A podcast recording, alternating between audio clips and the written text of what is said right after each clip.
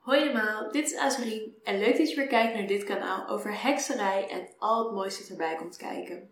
Vandaag wil ik het hebben over spreukenethiek.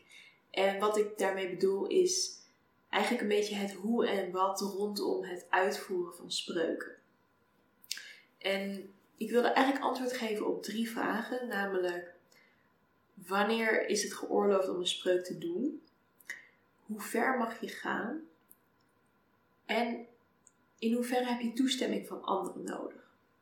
Ik denk dat ik al een beetje een disclaimer ga doen dat veel van de dingen die ik in deze video ga zeggen echt heel erg gebaseerd zijn op mijn persoonlijke visie. Um, zoals echt heel veel in hekserij zijn er gewoon geen regels voor. Dus dit soort dingen, zoals spreukenethiek, moeten we een beetje vormen aan de hand van onze eigen normen en waarden. En dus ik probeer altijd mijn video's zo open mogelijk te houden. Dus ik probeer jullie niet op te leggen hoe het is of uh, hoe het moet zijn. En dat is net zo goed in deze video niet. Alleen de antwoorden die ik ga geven op deze vragen zijn gekleurd door mijn eigen mening. En ik wil je er wel een beetje op bedacht maken dat je echt heel erg blijft nadenken of je het eens bent met deze antwoorden. Um, en ik ben uiteraard ook heel erg benieuwd naar jullie eigen visie hierover. Dus deel dat ook vooral in de reacties. Oké, wanneer een spreuk doen? Wanneer is het een geschikt moment om een spreuk te doen? Toen ik begon met hekserij, ehm, had ik een beetje het idee dat een spreuk als een soort van laatste redmiddel pas mocht worden ingezet. Um, ik weet eigenlijk niet echt waar ik dat idee van heb. Um, ik denk ook eigenlijk een beetje dat het een soort van indekken was. Zo van. Um, dat ik nog een beetje aan het aftasten was of magie wel echt werkte of zo. En. Nee, dat is het niet. Het is meer. Um, ik, ik weet niet. Ik weet niet waarom ik dat dacht, maar ik had wel echt het idee dat een spreuk kon pas als je alles al geprobeerd had. Nu zie ik spreuken veel meer als een soort van energiedrankje. En wat ik daarmee bedoel is dat je ook niet. Um, als je bijvoorbeeld aan het trainen bent voor een marathon, ga je ook niet na eindeloos veel marathons te hebben gelopen, eindelijk een keer een soort van eiwitten shake nemen om om dat extra stukje te krijgen. Als je gaat trainen voor een marathon, neem je een eiwitshake bij elke oefening die je doet. Om daarmee spieren op te bouwen en daarmee energie op te bouwen. En zo ben ik spreuken ook gaan zien. Dus ik ben het meer gaan zien als een soort van boost. Dus het hoeft niet pas aan het eind, als alles al geprobeerd is, ingezet te worden. Ik zie spreuken nu eigenlijk meer als een beginpunt, eigenlijk. Dus uh, als ik een spreuk zou doen om een baan te vinden, zou ik, uh, zou de oude ik die spreuk pas gaan doen als ik alles al geprobeerd heb. En nu zou ik een spreuk doen, gewoon nog voordat ik al enige advertentie heb afgegaan, nog voor ik een beetje heb rondgevraagd. Uh, of iemand misschien een, een, een baan voor mij heeft. Ehm, dus hoe ik het zie, doe je eigenlijk vooral een spreuk nog helemaal voor je die intentie wil gaan bewerkstelligen. Volgende vraag was: hoe ver mag je gaan in een spreuk? En dat is wel een hele belangrijke om voor jezelf op een rijtje te hebben. En ik heb wel een beetje gemerkt dat ik voor mezelf niet een, een 100% definitieve lijn heb kunnen trekken, omdat het ook wel heel erg een gevoelsdingetje is. Ik, ik was een keer in een situatie waarin ik heel graag wilde dat mijn um, buurvrouw ging verhuizen, of in ieder geval uit mijn leven wegging. En ik had de spreuk al helemaal voorbereid, ik had alle ingrediënten. Uh, ik was ook helemaal van plan om iemand uh, ja, om wel een soort van de disclaimer mee te geven dat, dat diegene er geen kwaad aan ging ondervinden. Maar het voelde toch niet goed. Het voelde niet goed om op zo'n manier ehm, inbreuk. Het, het, had dus wel met mij te maken, want ik wilde haar gewoon niet in mijn leven. Maar het was wel zij die ik met die spreuk zou willen laten vertrekken. En ik denk dat dat op het moment dat ik het gevoel heb dat ik echt een heel direct effect ga hebben op iemand anders. En diegene heeft daar dus uiteraard geen toestemming voor gegeven. Dat gaat voor mij te ver.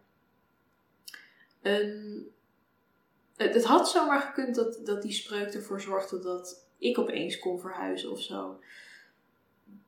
Ja, dat, maar dat kun je van tevoren niet zo goed inschatten. Dus om, om dat maar omdat ik dat toch een beetje te gevaarlijk begon te vinden, heb ik het niet gedaan. Dus ik denk dat mijn hoe ver mag je gaan met een spreuk ophoudt bij als ik zeker weet dat het vooral een ander beïnvloedt. Dus uh, breng me ook weer bij de volgende vraag. Uh, heb je toestemming voor anderen nodig? Want eigenlijk is het een soort van gegeven dat in mijn ogen als je iemand kwaad wil, als je, nee, als je iemand niet kwaad wil doen, maar er zit wel een potentie in van mogelijk verkeerd uitpakken, dan blijf ik er vanaf. Dus om door te rollen naar de toestemming van anderen.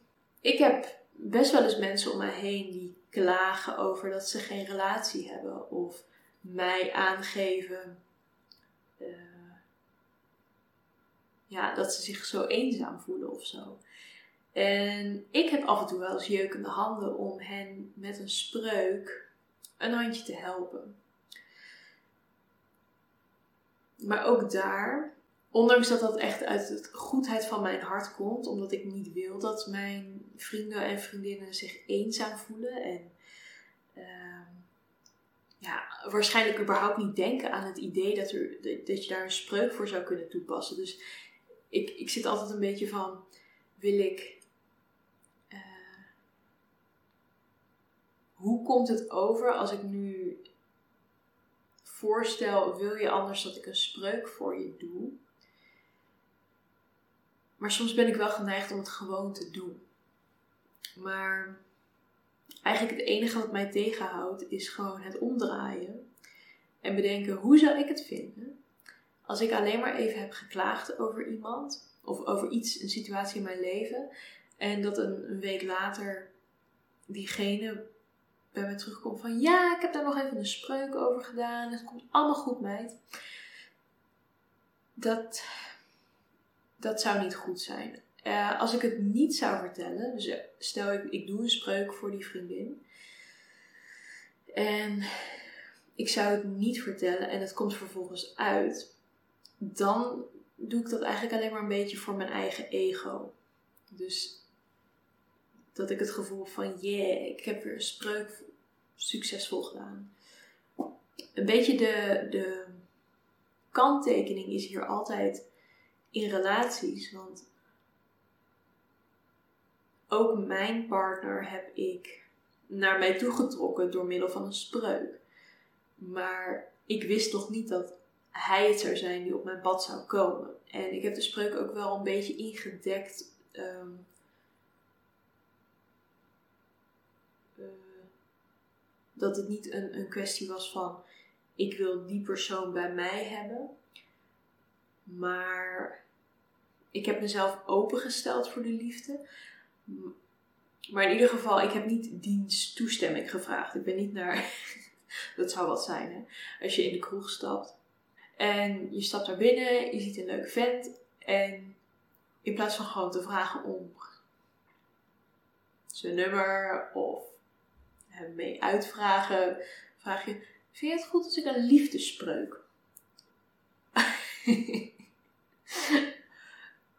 over jou uitroep of zo.